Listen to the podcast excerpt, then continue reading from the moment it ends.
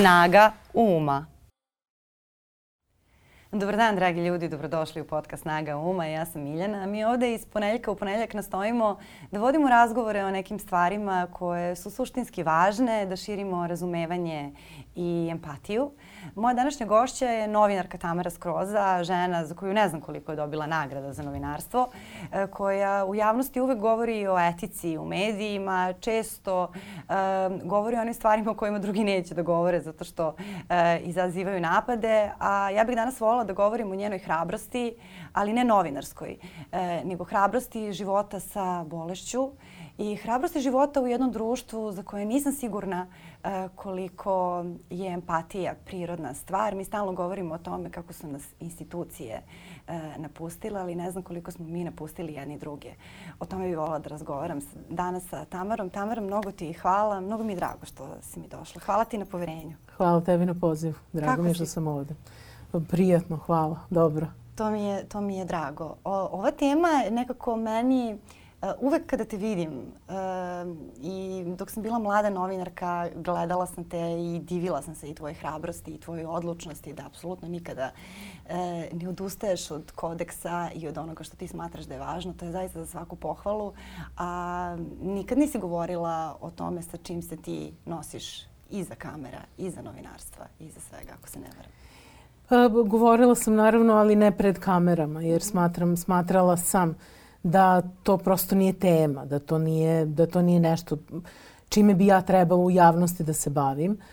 Međutim, kako godine idu, prosto i taj stav se nekako kod čoveka menja uh, i kako nailaze različite nedaće, taj stav se menja, jer u kontekstu svega o čemu si pričala, o temama mhm. -huh. kojima sam se ja bavila, prosto bi bilo nepošteno i prema sebi, pa, ima, pa i prema toj javnosti koje dugujem i nagrade i priznanje i sve ostalo, da neke stvari očutim, da neke stvari sakrivam. Uh, mada kod mene su trenutno stvari takve da ih je i nemoguće sakriti, tako da mislim da bi prosto bilo besmisleno i bizarno pokušavati da ne govorimo nečemu što je jasno da postoji kao problem, a i da nekom vrstom uticaja, ako ikakvog uticaja imam, ne pomognem drugim ljudima koji se nalaze u sličnim situacijama, ako ne u istim. Da, i podcast se zove Snaga uma i ako je nešto mentalna snaga, to je onda ovo što, što ti pokazuješ i način na koji a, apsolutno držiš korak sa svojom karijerom i kako ipak nisi dozvolila da te suštinski ni na koji način promeni bolest. Ajde sada da krenemo od početka. Kako, kako je to sve počelo i a, kada ti se život promenio? E, dakle, ja bolujem od Parkinsonove bolesti koja je neizlečiva, hronična i degenerativna neurološka bolest. Uh, ima različitih simptoma, dakle svaki, to, to je bolest karakteristična po tome što zapravo nije karakteristična, nema karakteristične simptome. Svaki čovek ima nešto specifično za sebe, ali najčešće se javlja ovo što ja upravo imam, tremor uh -huh. uh, jedne strane ovaj, tela. Uh, moj život se u tom smislu promenio 2018. godine, kada sam u leto prvi put osetila da, da mi se malo trese desna ruka. Uh, povremeno kada sam bila pod nekim stresom i tako dalje. Ali ja sam to vrlo, kao što inače mi zdravlje naše percipiramo olako. Uh -huh. Ja sam to olako doživjela, olako proživjela. Mislila sam to sad, bila sam u procesu menjanja posla i ovaj, mislila sam da je to možda zbog stresa, zbog prevelikih obaveza i tako dalje. I to je tako trajalo mesecima. Ja sam, povremeno se to pojavljivalo, ja sam to mogla da kontrolišem. Uh, snagom uma, prosto trese mi se ruka, ja kao dobro sad smiri se i to se smiri. E, vremenom, kako je dolazila jesen, ja sam to sve ređe mogla da smirujem. Da bi negde u novembru došla u situaciju da uveče sam došla kuće umorna i prekrstila sam noge i videla da mi se i desna noga trese. E, tada sam shvatila da nešto nije u redu. I onda sam brže bolje ovaj, našla lekara koji bi me primio bukvalno u roku od odmah, uh mhm. -huh. što se kaže. Koliko ti godina imaš u tom trenutku? Samo da... Ja u tom trenutku imam 46 godina. Da, živiš sa čerkicom i radiš Živim kao novinarka. Živim sa čerkicom, samohrani sam, uh -huh. rod, samostalni sam roditelj, ja sam potpuno samohrana i živim i radim kao novinarka. Dakle, eto, tako funkcionišem. Uh, nisam, se pres, nisam se uplašila, jer ja zaista nisam, nisam ni, ni zamišljala situaciju da ja sad bolujem od neke ozbiljne bolesti. Ja sam zaista to sve otpisivala na stres. Uh -huh. Uh, I u svakom slučaju bio je zanimljiv trenutak te bolesti je bio uh, trenutak kad sam ušla u ordinaciju lekara koji me primio, tadašnji direktor klinike Sveti Sava, uh, s vrata je rekao, ja vas molim da ne mislite da ovo što vi imate stres. To nije stres. I pre svih pregleda, on je rekao moramo da sprovedemo te i te preglede i tako dalje, tu se sprovodi niz različitih ispitivanja, uh mhm. -huh. jer zapravo se diagnostika radi metodom eliminacije. I onda moraju da eliminišu sve živo da bi na kraju rekli da je to Parkinson, ali kaže meni po svemu ovome što ja vidim, to liči na Parkinsonizam. Tako da sam ja bila već prvog dana suočena sa tim, bukvalno kao da me neko tresnuo zid. Moje znanja o Parkinsonu su bila vrlo ograničena. Ja sam znala da je Mohamed Ali svoje vremeno bolovao od toga, Michael J. Fox, i setila sam se predivnog filma Violinski kvartet ili tako nekako, e, gde Christopher Walken glumi e, vođu jednog violinskog kvarteta i, ovaj, i prekida u vrhuncu svoje karijere, prekida karijeru zato što je dobio Parkinsonovu bolest i sećam se da mu treperi isto jedna ruka kao i meni. Tako da ja ništa o tome nisam znala, ali eto, čim sam izašla iz te bolnice, kad sam otvorila Google, imala sam šta da vidim. To je pakao kada otvoriš Google. I to je zaista bio pakao potpuni. Da. Uh, u svakom slučaju ja sam prošla sva ta ispitivanja.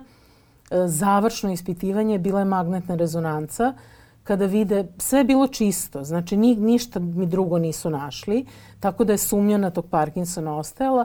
I sećam se još jedan od ključnih momenta ove bolesti je bio odlazak na magnetnu rezonancu kada treba da vide da li je u pitanju nekakav tumor mozga ili je u pitanju Parkinson.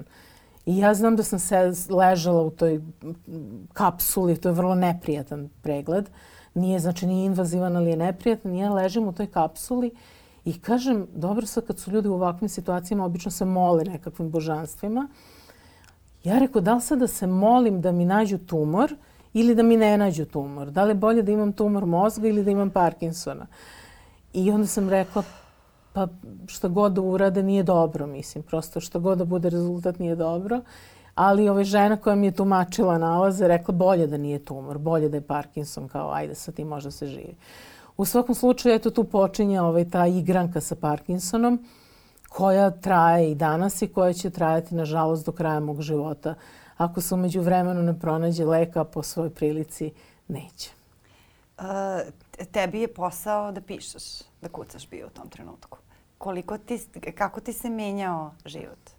Uh, pa to je, ako, ako postoji neki, uh, kako bih rekla, moment u kom sam ja slaba, to je taj moment upravo. Znači, činjenica da meni od svih delova tela strada desna ruka – Ja sam dešnjakinja. Uh -huh. Ja evo tri, čet, skoro četiri godine posle dijagnoze više ne mogu da se potpišem. Ja ne mogu da držim olovku. Ja sam kucala sa deset prstiju slepo, da. a oni koji kucaju slepo znaju da to posle određenog vremena pređe u refleks naprosto. I sada ja kada stavim ruke na tastaturu, meni i desna i leva ruka kreću da kucaju, ali desna pravi problem. Desna uh mhm. -huh. kuca jedno slovo, kuca nekakve da, da. razmake koje ne treba da kuca. Uh, sa kompjuterskim mišem praktično jedva upravljam. Tako da je to problem sa kojim se još uvek suočavam. Ja sam donekle promenila posao.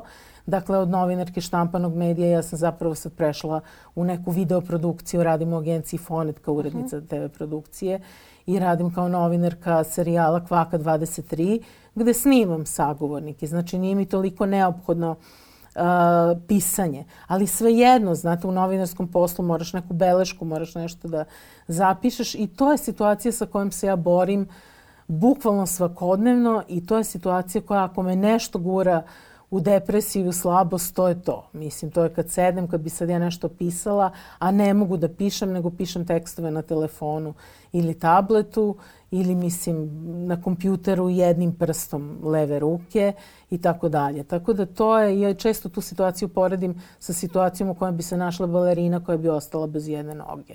Eto, otprilike to je tako. Dakle, novinarka koja više ne može da, ne može da piše. A kakav je odnos društva? Mislim, još je novinarstvo jako surov posao. Ti si promenila donekle posao iz tvoje perspektive, ali Tamara Skroza i dalje radi ono što je Tamara Skroza uvek radila u kontekstu etičkom, vrednostnom i tako dalje. Ti nisi otišla u, neku, u neko koordinacijono telo da budeš neka savjetnica, što si u suštini sa svojim CV-em mogla. Mislim, mogla si ti sa svojim CV-em mnogo toga da si, da si htela da se menjaš iz korena. Menjali su se ljudi iz korena zbog mnogo manjih e, tremora, ako hoću da kažem, ili potresa. Ali ti si tu ostala svoja i ostala si u jednom poslu u kom ti nemaš prostora za bolovanje. Ako se ne varam. Mislim, novinarstvo je mm. kao maratonska jedna trka. Tu nema... Tu nema posla, nema, nema mesta za bolovanje, nema milosti. Mm. Uh, ali meni je olakšavajuća okolnost predstavila činjenica što sam ja svu surovost ovog posla već osetila. Uh, Dakle, ja e, medicinski govoreći spadam u nešto što se zove young onset Parkinsonizam. Uh -huh. To znači ljudi koji su mladi dobili. Sve, sve što dobiješ do 55. godine kada se tiče Parkinsona računa se da si mlad jer to je staračka bolest. Uh -huh. Znači medicinski spadam u mlade, ali novinarski spadam već u dosta matore da. ove ljude. I ja sam u tom poslu već osku, iskusila svu moguću surovost. Najveću surovost ovog posla osetila sam kada sam rodila dete. Dakle, mene su u godinu dana mog porodiljskog odsustva e, moje kolege bukvalno živu sahranile. Mene nije bilo na sceni, ja se ni sa čim nisam bavila, ja sam radila samo u Savetu za štampu i sa svojih 38 tada godina čekala maminu penziju. Uh -huh. Zato što me nije bilo u kafanama, zato što me nije bilo u javnosti, jer kao sam ohrana majka nisam mogla da idem nigde, gde sad da vodim dete u kafane, u zadimljene redakcije i tako dalje. I bukvalno sam bila živa sahranjena. I to me je uh, sručilo na patos, ali i podiglo i osnažilo. Te tako osnažena sam imala, imala e, moć da se suočim i sa bolešću. Da sam mlađa, da nisam prošla taj pakao koji sam prošla posle bolesti, da se nisam apsolutno e, pomirila sa činjenicom da živim u, u moru prepuno majkula koje samo čekaju kad će da te požderu, uh, to bi sve bilo mnogo teže. Ali ovako znala sam u kakvom svetu plivam, znala sam čime i s kime sam okružena i znala sam da moram prosto da ne da budem jaka, nego da budem pomirena sa tim što mi se dešava. Ja u koordinacijonom telu sebe ne vidim. Nikada nisam i nikada neću.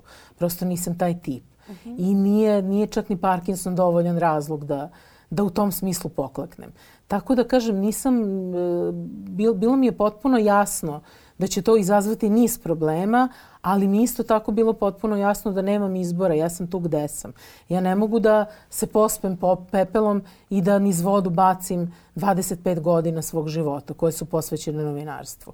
Tako da sam samo malo promenila modus operandi. Dakle, ja više ne gostujem, na primjer, u jutarnjim programima, mhm. jer su to živi programi, ja ne znam kako ću da reagujem, da li da li će, opterećivao bi me taj tremor. To nije uh -huh. ovakva atmosfera kakva je sada među nama. Dakle, ja se tresem, vidno se tresem, ali nisam uznemirena ni na koji način u jutarnjim programima ili večernjim ili nekim debatama daleko bilo, ja bih bila uznemirena. Dakle, ne nastupam više u takvim programima, nastupam, evo sada sam došla kod tebe, nastupam u nekim snimljenim programima gde se dogovorimo kako će da me snimaju da se to baš ne, ne primeti toliko. Uh, a kolege u Fonetu gde radim su vrlo, kako bih rekla, pune su razumevanja. Mislim, ja čak imam i mesto gde mogu da prilegnem jer mm -hmm. obole od Parkinsona moraju tokom dana u jednom trenutku malo da legnu, da podspavaju 15 minuta. Ja imam to svoje mesto. Uh, Uh, ukoliko mi nije dobro, nije nužno ni da dođem na posao, tako dalje. Tako da u tom smislu imam razumevanje kolega. Ali nisam ni pomišljala da menjam, ovaj, da menjam posao, da menjam ulogu, da prekinem da govorim. Ne, neću da prekinem da govorim. Imam tu još jedan možda motiv koji će malo mračno zvučati, ali otvaramo dušu, pa jeli, ovaj, to je tako. Imala sam neke ponude ovaj, ljudi koji su otvarali neke medije, pa su mi nudili poslove za koje su oni procenili da bi možda meni bili zgodniji. A to su bili poslovi u nekom zapećku na nekim na nekim š poslovima gde me neće biti, gde me neće videti, gde ja neću komunicirati s ljudima, valjda su misle da bi to meni bilo jednostavnije. Kao da primaš I, platu, da nešto... Tako da... je, da budem na miru, da nemam stres i uh -huh. tako dalje. I onda sam ja u trenutku ovaj, neke, ko zna kakve inspiracije izgovorila, pa sam posle to stalno ponavljala, da ću ja da radim ovo što radim sve dok mogu da dišem i pišem. I to je moja odluka. Ja ću da radim ovo sve dok budem mogla da dišem i pišem. Ja ne znam na koji će se način Parkinson razvijati kod mene. Dakle, on može da utiče i na verbalne sposobnosti, može da ti uništi glas, može da uništi moć govora, um, može da uništi i razne neke druge stvari koje bi mi onemogućile i da nastupam i da pišem i ovako kako pišem. Dakle, to može da se strašno iskomplikuje u vrlo kratkom periodu te u tom smislu ja neću da odustanem dok god mogu. Jer ja ne znam koliko ću moći. I onda me često, recimo, prijatelji upominju kao zašto prihvataš tezge, zašto prihvataš poslove. Pa kažem zato što ne znam, sutra možda više neće biti mogućnosti. Tako da hoću da zagrabim to života što još može da se zagrabi relativno normalnog, ali sam u potpunosti pomirena i sa bolešću. Kako je opriča nevjerovatna potpuno. Mislim, sad gledate i potpuno mi je sve ovo toliko nestvarno što pričaš. Mislim, mogu ti hvala što si došla. O, stvarno si mi uduvala, moram da napravim blagu pauzu pre nego što ti postavim drugo pitanje, kao da, da upijem ovo što si rekla i koliko je ovo jako. Uh, zanima me, taj moment rekla si da si svesna kakvim si ajkulama okružena, ali to je jedan jako surov osjećaj. Uh, Uh, I meni se to recimo dogodilo kada sam se susrela sa zdravstvenim sistemom. Baki mi je pozvilo za novu godinu, u novogodišnjoj noći, pa sam zvala hitnu pomoć i sada bukvalno žena koja radila tamo u službi me je ismejala, malte ne. I to se dešavalo mnogim ljudima i ti onda se zaista osjetiš kao da si među ajkulama, kao da te društvo ne voli, kao da država nije tu, a ti zapravo tebi sistem ne treba kad si mlad, jak e, i pun para, ti ćeš onda da ideš na, na Maldive i da trčiš maraton. Mislim, ne zanima te ni, ni kakva je policija, ni kakva je, ništa te ne zanima. Sve imaš, sve možeš. Tebi sistem treba u situacijama kada si slab, da, da te, da te uhvati, da, da te prigrli, da ti kaže sve je u redu, mi ćemo. E, ja srećom ili nesrećom sam u novinarstvu 25 godina u zemlji Srbiji. Ja ne verujem u sistem. Znači uopšte u sistem i ovu državu, institucije, bilo ko da je bio na vlasti u posljednjih 25 godina. Dakle, ne mislim samo na ovaj da. pakao koji trenutno živimo. Ja ne verujem u sistem. Ja nisam računala na sistem. Znači, u trenutku kada shvatam da moram da idem da, da, da vidim šta mi je, ja ne verujem u sistem. Meni sistem nikada nije pomogao. Ja, ako mi je bila potrebna pomoć medicinska, ja sam išla malo van sistema jer sam spasavala život. Mislim, znala sam da prosto ne mogu ja sad da čekam upute za ovog ili onog neurologa, ja moram da upotrebim vezu. Zašto? Zato što se veza koristi na svaki mogući način, a ovde spasavam život svoj, svog deteta, svoju egzistenciju, svoje sve. Mislim da sam čekala sistem, verovatno još ne bi ni imala dijagnozu. Mislim, i to, a to je to problem. Je tačno. To, to je, je problem. tačno i to je problem i tebi veza danas ne treba samo za to da dođeš do lekara, nego ti stvarno moraš da imaš neke insajderske informacije da bi znala kod kog lekara da odeš. Jer ti je to Tako. još, još važnije. Ti stvarno moraš da imaš neki sistem za snalaženje u našem zdravstvenom sistemu ako nećeš da to sve bude mačka u džaku. I to je jedna jako teška stvarnost i zbog toga ljudi odlaze, Tako. ne znam, podižu kredite da bi mogli 500 eura da nose lekarima, babicama. To su, to su veoma nekako ne, stresne mi, mislim, situacije. Mi, mi, imamo, mi imamo situaciju u zdravstvu kao što uh mhm. -huh. imamo i u drugim oblastima, pa i u medijima. Uh mhm. -huh. Dakle, mi imamo pojedince koji su sjajni. Imamo lekare koji su sjajni, ali sistem ne valja. Sistem ne valja. Vi kad, vi, kad, kad pogledaš na, na forumima svetskim kako se leče ljudi oboleli od moje bolesti ili od nekih drugih, koliko stručnjaka oni prođu, kako se to diagnostikuje, pa to je nebo i zemlja. To, to, to su neuporedive veličine. A imamo svetski priznata imena u tim oblastima. Da. Kao i u medijima što imamo kvalitetne ljude, ali su nam mediji haos. E sad me zanima koliko se to sve oslikava na društvo, ta neka oholost uh, institucija, sistema i to haosa. Uh, koliko ljudi imaju razumevanje i koliko mi vidimo jedni druge? Pa mi vidimo, mi, mi uh, vidimo jedni drugi, ali kratkovidi smo. Znači vidimo samo na blizinu. Ja se promenio način na koji tebe ljudi gledaju? Kako to kad odeš u banku, na pijecu, kako to izgleda? Jer osjećaš da su ljudi normalni, da se ponašaju prema tebi normalno ili su preempatični pa su agresivni u tome ili kako, kako funkcioniše to? Kako to izgleda? Moram da kažem, zavisi od dana.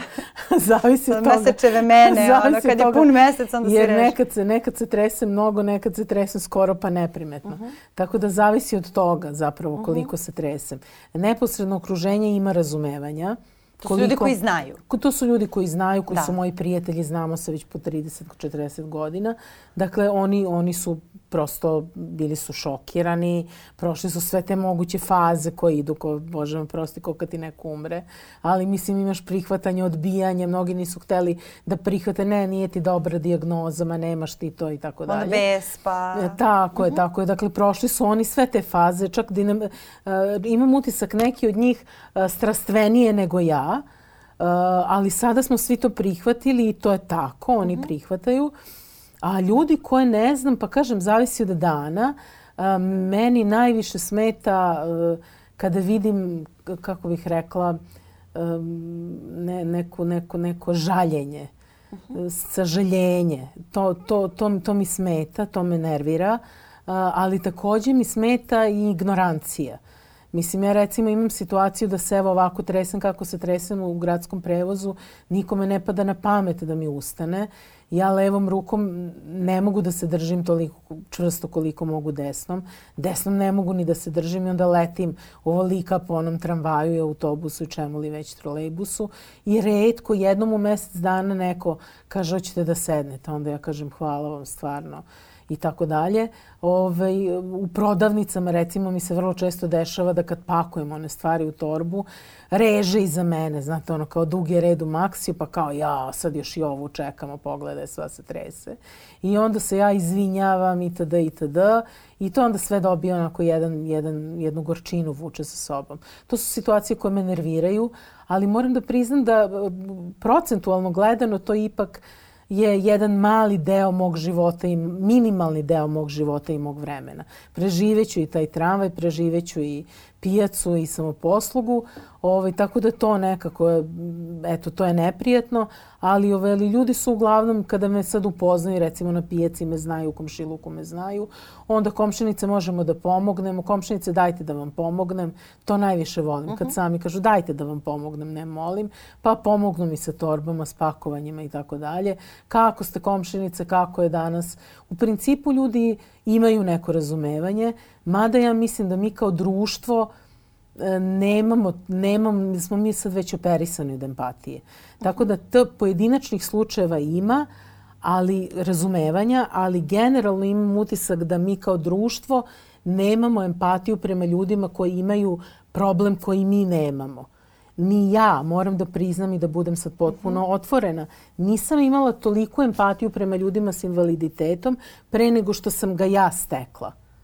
Da, to je, to je mnogo tačno. Mi ja mislim da nemamo ni, ni u našem vaspitanju. Uh, uopšte, uh, kad smo mali, niko nas ne uči kako da se obhodimo prema bilo čemu što je drugačije. Tako. A kamoli prema nečemu što je slabost koju mi nemamo. Tako je, tako je. Da slabost nije nešto što se zlupotreblja, što se zlupotrebljava. Da slabost nije nešto što mi sad treba da sažaljevamo i da tutnjimo svoj kompleks Boga na tome. Sad ako sam nekome pomogla tako. kese, da sam ja sebi heroj. E, nego da je to nešto što je normalno, da smo svi mi ljudska bića koji imaju e, snage i slabosti različite i da treba da budemo tu jedni za drugi jer tako. smo i socijalna bića, tako. isto kao što smo tako. i fizička i psihološka i emotivna. I da je to, meni se, ja sam to primetila isto što si ti rekla, rekla, sa Sandrom Silađev smo pre dosta godina sad već snimali, to se zvalo reality u invalidskim kolicima. Gde nas 7-8 selo u invalidska kolica i mi smo išli po gradu. E, bukvalno kao, kao ekipa ljudi koji se druže, samo su u invalidskim kolicima. Znači nema pomeranja ruku, e, nogu i išli smo sada do banke, do prodavnice, na kafu, I to smo išli po Novom Beogradu koji je ravan. Znači nismo išli po starom gradu koji je inače problematičan jer to bi stvarno trebalo mnogo više snage. Jer su to bila ona obična kolica koja ti sam kotrljaš. I tu ti se tek tada mislim da sam dobila pravu perspektivu toga. I te ignorancije i toga kad ja dođem u banku, kažem dobar dan, hoću da podignem novac, pa nemamo rampu, idite u drugu banku. ali ovo je moja banka. Tako je. Da, i ti se onda osetiš, jako ja sam tako to što kažeš novinarka uvek za pravdu, ti se tako nekako osetiš nevidljivo, iako ja mogu fizički da ustanem iz tih kolica. Znači, iako taj, ta, ja sam u tim kolicima dva sata, mene je to emotivno dodirnulo, tako me nekako smanjilo taj moment, onda do, dolazi neki čovjek kao ja bi vas poneo, ali imam diskus herniju. Znaš, i ti onda shvatiš, ali ja ne želim da mene neko nosi, ja želim da mene neko vidi, da zna da je to banka u kojoj ulaze ljudi neki od tih ljudi, neki, nekim od tih ljudi treba rampa. Nekima od tih ljudi treba da ne moraju da se potpišu rukom jer mi se ruka trese da to jednostavno da nismo da svi to, sad to ono... ne postoji i da. to ne postoji i da bismo da bismo mi to imali E, neophodno je da svako u kući, mislim daleko bilo, ali da svako u kući ima nekog sa sličnim problemom. To je jedini način. Možda smo... možemo i ovim razgovorom, jer ja verujem možemo, da ljudi žele, ali, da, ali... ti, tu imaš dosta ljudi koji žele da budu dobri, pa budu kao, meni se to desilo, ja kao idem ulicom kolicima i priđe čovjek i samo, me, samo krene da me gura preko ulice. I ti sad, kao, ja ne znam da mene on gura. A, a, a ti vidiš, to je neko kao ko hoće da ti pomogne, ali nema takta. Jednostavno nikomu nije rekao, e, nema, e, kao, nema, smiri nema, se. Nema, da, ali da ima, da ima empatije, da ima znanja, ljudi ne bi srljali. Da, da. Ljudi ne bi srljali u to, a ljudi kod nas srljaju jer nemaju takta, jer su mhm. operisani svim ovim što smo mi doživjeli, oni su zapravo doživjeli operaciju od empatije. Meni se desilo pre mnogo godina dok mi je otac bio još živ, i bio je težak srčani bolesnik. Išli smo na pijacu i ovaj, on i ja i ja sam išla pored njega i gurala ona kolica prepuna namirnica i jedna žena je prišla nama i počela da viče na njega. Rekla, sram da vas bude žensko pored vas. Pogledajte koliki ste muškarac, žensko pored vas gura kolica sa, sa, sa namirnicama. Dobro. Dakle, mene je to potpuno zapanjilo. E, odsustvo takta, odsustvo e, razmišljanja, odsustvo poštovanja prema tom nekom drugom. E pa to... Da, ona je u svojoj glavi bila heroj. Ona je u heroj, svojoj da. glavi bila heroj, ona je u svojoj glavi pomogla. Ali to nije to.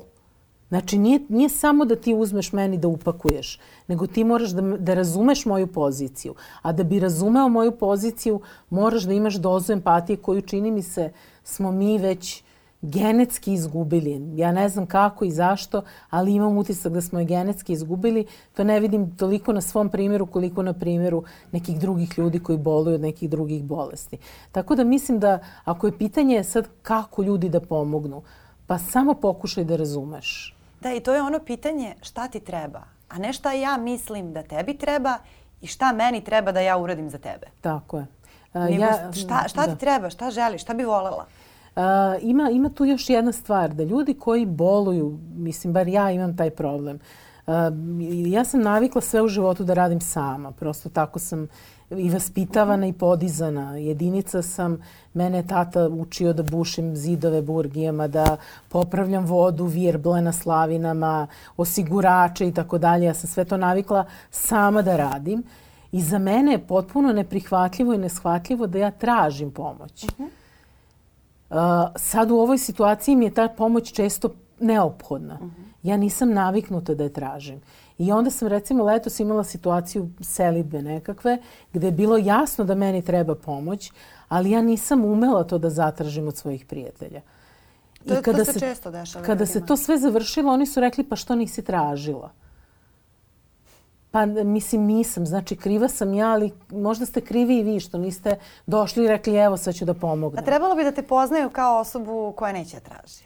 A, Takvim osobama mnogi... moraš da, da nutkaš e, malo. E, to da. je dakle način, način ali vidi, vidiš ali samo koliko naučena, je to sve... naučena odbojnost. Uh, to, to mi je isto jako poznato. Ja sam isto jedinica i to sve.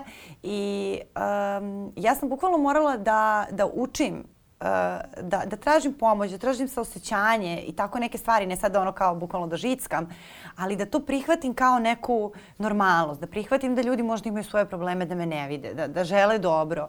Jer ti nekako e, nametnuto ti je da svaki put kad tražiš pomoć, dobro ti ćeš tu pomoć da dobiješ, ali ćeš da dobiješ i gomilu neke energije, nekog sažaljenja, nečije egomanije i ti si onda u fazonu dobro sama ću, znači vući ću ovo sa pola ove moje ruke, pomerit ću regal sama, okrećit ću sama, ok, vozi ću traktor. Znači, to, to, to je e, bukvalno... Traktor nisam vozila, nisam ni ja vozila traktor, jednom sam se u životu slikala na traktoru i to je to. Ali, ali to je taj, dobro, kao sama ću da okopam ovu da. njivu, samo da ne moram da slušam, da ne moram to da gledam, a mi u stvari treba da budemo tu jedni za druge tako da kada nekome ponudimo to po znacima navoda pomoć, da to bude žurka, da to bude ili neka normalnost prosto, da, da ne bude sad ne, neki presedan, da ne, ja, ne, ne hranimo svoju ja to, Ja to ne vidim, ja to u našem društvu ne vidim. Ne vidim to ni na našem, ne vidim to ni u svom primjeru, ne, volim, ne vidim to na našem ovom nivou uh mhm. -huh. ljudi, druženja, egzistencije i tako dalje. Prosto to ne vidim. Ja to vidim samo u filmovima i samo u nekakvim teorijama. Ne vidim to. Znači, ne, kažem, nije samo moj primjer, nego to prosto ne vidim. Potpuno razumem i slažem se, uh -huh. ali ne vidim. Ne znam šta je možemo uzrok to da, toga. Možemo to da probamo da vežbamo kod sebe. Možemo to da probamo da vežbamo kod sebe, ali kažem, ne vidim. Ne vidim, nažalost. I ovaj, i, a opet ide mi na živce, ide mi na živce moje ponašanje, ide mi na živce ponašanje drugih ljudi u tim situacijama. A takođe, ono što me u poslednje vreme strašno uznemirava, to su te, kako bih rekla, poruke. Uh mhm. -huh. Netraženog ohrabrenja. Ajde, ajde, ma nije to ništa. Kad mi kažu od toga se ne umire, mislim. Kad mi kažu od toga se ne umire, ja hoću da vrištim, mislim ajde, ajde, ma nema to veze, šta možeš ti to? Pa ne mogu. Ne možeš ni na kafu da dođeš. Ne mogu da dođem na kafu, ne mogu da ustanem danas. Danas moram ceo dan da ležim jer me boli svaki mišić. Pa kako te boli svaki? Pa boli me svaki. Pa popi lek. Pa nema leka. Uh, to su neke stvari koje ja, ja ne znam kako ljude naučiti i kako sebe naučiti. Uh -huh jedino vreme da prođe pa da onda ljudi shvate pa kao da, da to tako ne može, da to tako ne ide. Ili da ih nešto mnogo, li, na li, mnogo ličnijem nivou pogodi pa da onda prestanu sa tim. Ali recimo, eto, to su, to, to su na primjer stvari koje me više bole od toga, ej, nisi došao da mi pomogneš u ovoj ili onoj situaciji. Ali nije ni to rešenje, jer ti u suštini kad se nađeš u toj situaciji, ti onda više nemaš razumevanje, onda imaš znanje. Razumevanje je kad ja imam saosećanje za nešto što je meni nepoznato. I ono se vežba i ono se uči tako što se oplemenjujemo kao biće, tako što slamamo svoj ego. Jeste, tako što slamamo tu da ja... potrebu da svaki put kad nešto činimo, kada pošaljemo poruku SMS ili e, za bolesno dete, da se osjećamo kao da smo ne znam ni ja šta uradili, da nam to ne hrani ego, nego da to radimo iz pozicije odgovornosti, a ne iz pozicije tog nekog ega. I onda i nećemo biti agresivni prema ljudima ovaj, kojima, kojima pomažemo, nego ćemo se sa njima u stvari povezivati, imaćemo veća prijateljstva, imaćemo više razumevanja. Ovaj, ja se nadam da je to tako, ali to je, po, ali to je poruka za ljude koji nemaju problem. Da. Ti kad imaš problem, onda, onda moraš da rešavaš svoj problem. Ja više nemam vremena za životne mudrosti. Da. Prosto, koliko god to patetično zvuči. Ne, to ne zvuči ošte patetično. Ja više nemam vremena. Jer ja ne znam koliko dugo ću ja biti operativna ja za godinu dana možda više neću biti u stanju da dođem u neki TV studio. Ja za dve godine možda neću biti u stanju da sedim na stolici. A, koliko god htela ili ne htela da pokažem ili sakrijem svoju slabost. Te ja u tom smislu nemam vremena da prevaspitavam svoje okruženje. I tu sam ja, kako bih rekla, daleko manji heroj nego mnogi ljudi sa invaliditetom koje znam. Recimo našu koleginicu Lanu Nikolić prema kojoj gajim da beskrajno divljenje, koja je veliki borac. Pozdravljamo je ovom prilikom. Pozdravljamo je apsolutno ovom prilikom. Dakle, uh, ima, ima tih ljudi koji se bore za razumevanje i tako dalje. Ja sam u tom smislu, verovatno zbog godina ili zbog posla ili već ne znam zbog čega, jednostavno u tom smislu je to postala sebična, ja više nemam, nemam vremena da se time bavim. Da li će neko da razume? Da li neće da razume? Um, ako, Ako ne razume, ja ću da otplačem sama kod kuće. Ako razume, super, prigrliću razumevanje, ali više nemam vremena. Pa ti, ne, ti nisi dužna niti bilo koga da vas pitavaš, niti, niti bilo šta. Da. Ja uh, prosto i sve ove razgovore gledam da usmerim ka tome da, da se oplemenimo i da se ne obraćamo samo onima koji Tako. apsolutno znaju šta rade. Jer nekako, Tako. prosto ovaj podcast je takav. Uh, oni koji žele neke drugačije sadržaje i koji ne žele da im se otvori neki prozor i da čuju nešto novo i da se na neki način otplemene, oni su već do, do sada promenili i otišli su na neki drugi, na neki drugi video već posle najave jer to njima bilo dosadno, a do sada su uglavnom ostali ljudi koje zanima, koji žele da budu bolji, koji žele da budu tu jedni za druge, koji žele, da. žele na bilo kom polju da, da budu bolji, da čuju nešto što će ih učiniti prosto boljim za druge. Ja I onda da, sam, je ta moja da. poruka više bila usmerena ka ne, njima, ne, ne, nikako, ne, ne, ne, nikako ja, ka tebi. Ne, ne, ti, ja sam razumela. Ti ja nisi samo, dužna nikoga da, da, ja da samo kažem, Ja samo kažem, znači, to, to, je, to je taj osjećaj koji ti nosiš uh mhm. -huh. nakon što, što te do, nešto dohvati. Da. Pre nego što me je, ja to tako kažem, pod znacima navoda, pre nego što me je dohvatilo, ja sam imala neku vrstu i želje da edukujem i tako dalje, sad kažem više nemam. Sada mi je nekako važnije uh, da uh, u svom tom javnom delovanju utičem na ljude koji imaju problem, uh -huh. da, da se pomire sa problemom, da ga ne sad ponosno nose kao idem ulicom, ja evo imam Parkinsona, baš super, dajte mi orden, ali ovaj, ili imam ovaj ili onaj problem, MS ili nešto drugo, imam karcinom ili već, nego da prosto tu svoju bolest shvate kao deo sebe. Uh -huh. Znači, Kako si ti to je sada... Pa nisam još do kraja. Evo, mhm. moram da budem potpuno iskrena. Nisam još do kraja. Smeta mi. Smeta mi, opterećuje me. Recimo, ja dosta radim treninge za mlade novinare, na tim treninzima mi to najviše smeta. Zato što znam da su sad ti moji, pod znacima navoda, učenici više usmereni na to što se meni trese ruka nego na to što im ja pričam. Onda ja na početku kažem, izvinite, imam Parkinsonovu bolest, tresem se, nemojte da obraćate pažnju na to. Tako isto i sagovornicima kažem. A, recimo, evo sad prvi put javno sad govorim o tome, na tome negde razmišljala sam kad si me pozvala, pa kao pristala sam, a posle sam razmišljala da li sad ja da idem s tim ili ne. I onda sam se setila velikog Muhameda Alija. Dakle, onoliki čovek i onolika inteligencija, onoliki uspeh i onoliko sve je deset godina je bolovao od Parkinsonove bolesti, već je bio onako u podmakloj fazi razvijene, razvijenog Parkinsona i pristao je da zapali olimpijski plamen čini mi se 96. godine, tako nekako. Dakle, on je čovek jedva stajao na nogama, jedva je držao onu baklju. Mislim, kao sad kad bi je ja držala, kad, mislim, to je prosto nemoguće, teško je.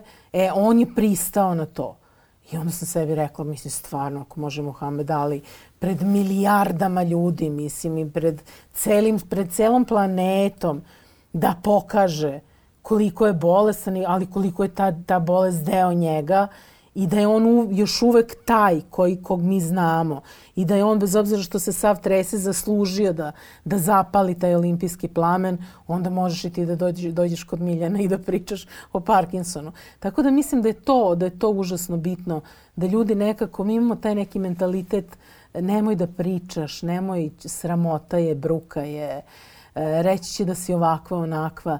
Mislim da te ljude treba, da ljude koji imaju neku vrstu poremećaja, bolesti, invaliditeta, treba ohrabriti. Mm. Jeste, mi živimo I, u totalno izmenjenom... E, tako Ovde je. se ljudi više stide bolesti nego optužnica za organizovani tako kriminal. Tako je, tako je. Mislim, I, to nije, mislim, to nije, re, nije realno. Sad, ok, to što ti kažeš nije bolest, sad nešto što, što, što, što je lepo, što, da, što si presrećan da, kada ti se da, dogodi. Da. Naravno, to tako jedna bolest sa kojom se živi, ali to nije, to je deo tvoje prirode. Tako, tebe. i u tom smislu veliki doprinos su dale naše koleginice, naročito neke, koje su otvoreno pričale o bolestima od kojih, od kojih pate i sad deo javnosti imao negativnu reakciju na to, kao šta sad mene briga, šta je, mislim, ona imala koji karcinom, koju depresiju, koju šta, kog Parkinsona, koga šta, ali su to žene koje su ostvarile efekat.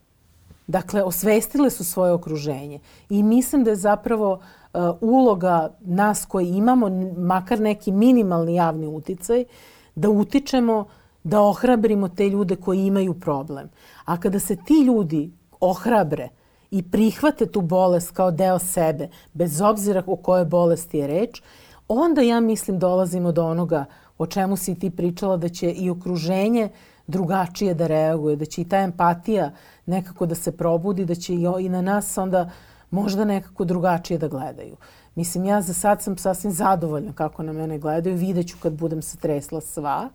Ne znam na šta će to da liči i kako će tada da me posmatraju, ali ovaj, za sada, za sada ok, nos, nosim tu olimpijsku baklju koliko god se ovaj, drmusala. I nosiš je, boga mi, fantastično. Stvarno. E, pomenula si mi da te na forumu jedna žena sa sličnom dijagnozom pitala pa što uopšte radite, kao zašto... Da, to mi je bilo jako čudno. Ovaj. Ja sam na raznim forumima mhm. osoba koja bole od Parkinsona, normalno, koji svi koji bole od neke bolesti. Ali to su sve međunarodne strane, mislim i na engleskom su forumi. Međutim, jedan se pojavio na srpskom i to su ljudi sa prostora bivše Jugoslavije i tu sam se ja u nekom trenutku oglasila i onda jedna žena rekla jao, ja sam vas videla u ne znam nekoj emisiji, videla sam da se tresete, pomisla sam da je Parkinson, ali rekla sam sebi ma kakvi, pa ne bi žena i dalje radila, kao ona i dalje radi. ja zaista to nisam znala. Ja sam bila zapanjena uopšte idejom da sad ja ako imam Parkinsona ne treba više da radim. Mislim, ja stvarno, meni, meni je dosta posla. Ja bih želela posla i ljudima bez Parkinsona tako, ja bih želela više da se posvetim uh -huh. i detetu i sebi i, i životu i da čitam i da idem u bioskop i da idem u pozorište i da imam slobodan dan i da idem na godišnji odmor i sve to što mi je sada uh -huh. na neki način uskraćeno, ja bih najrađe da idem u penziju.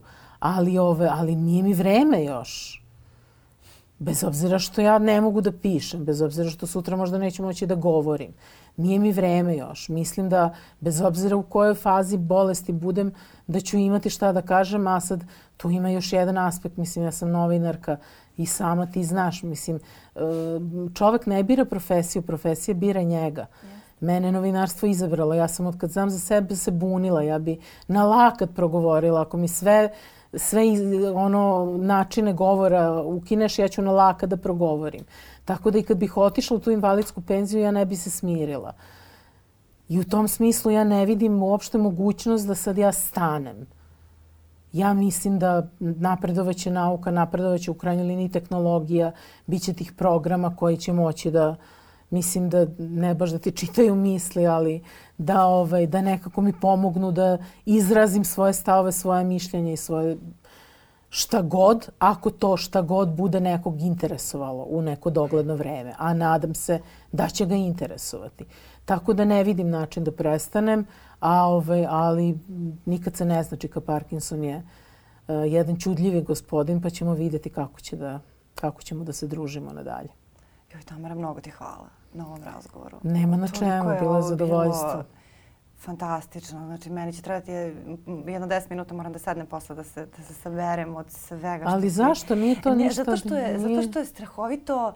Uh, zato što si strahovito snažna e, i to u onom najfantastičnijem mogućem smislu jer e, ja pretpostavljam da će ovo na potpuno drugačiji način slušati ljudi koji imaju neku vrstu zdravstvenog problema ili izazova ili to imaju u porodici, ali to, ovo, je, ovo je pravi life coaching, ovo je pravi motivacioni govor, a ne one budalaštine, pet sekundi idemo, trči, udahni. Eto, eto mi može karijere. Ovaj, ne, ali to, to je stvarno onako realna jedna životna priča kada ti vidiš integritet integritet, odgovornost, posvećenost, ljubav i jednu sirovu snagu koja ide i koja uživa u životu. Uprkos, dakle, svim, svim izazovima, poteškoćama i svemu. I stvarno mnogo ti hvala, hvala. i mnogo mi je drago uh, što si došla. Mislim da, mislim da ćeš i ti biti nečiji Muhammed Ali ove, i da će se i tebe neko setiti u, u nekim tako ključnim situacijama sigurno jer ovo je takav razgovor prosto, prosto bio. A ta empatija koju si govorila je strašno važna. I ona nije samo važna zbog onih kojima je dajemo, ona je važna i zbog nas.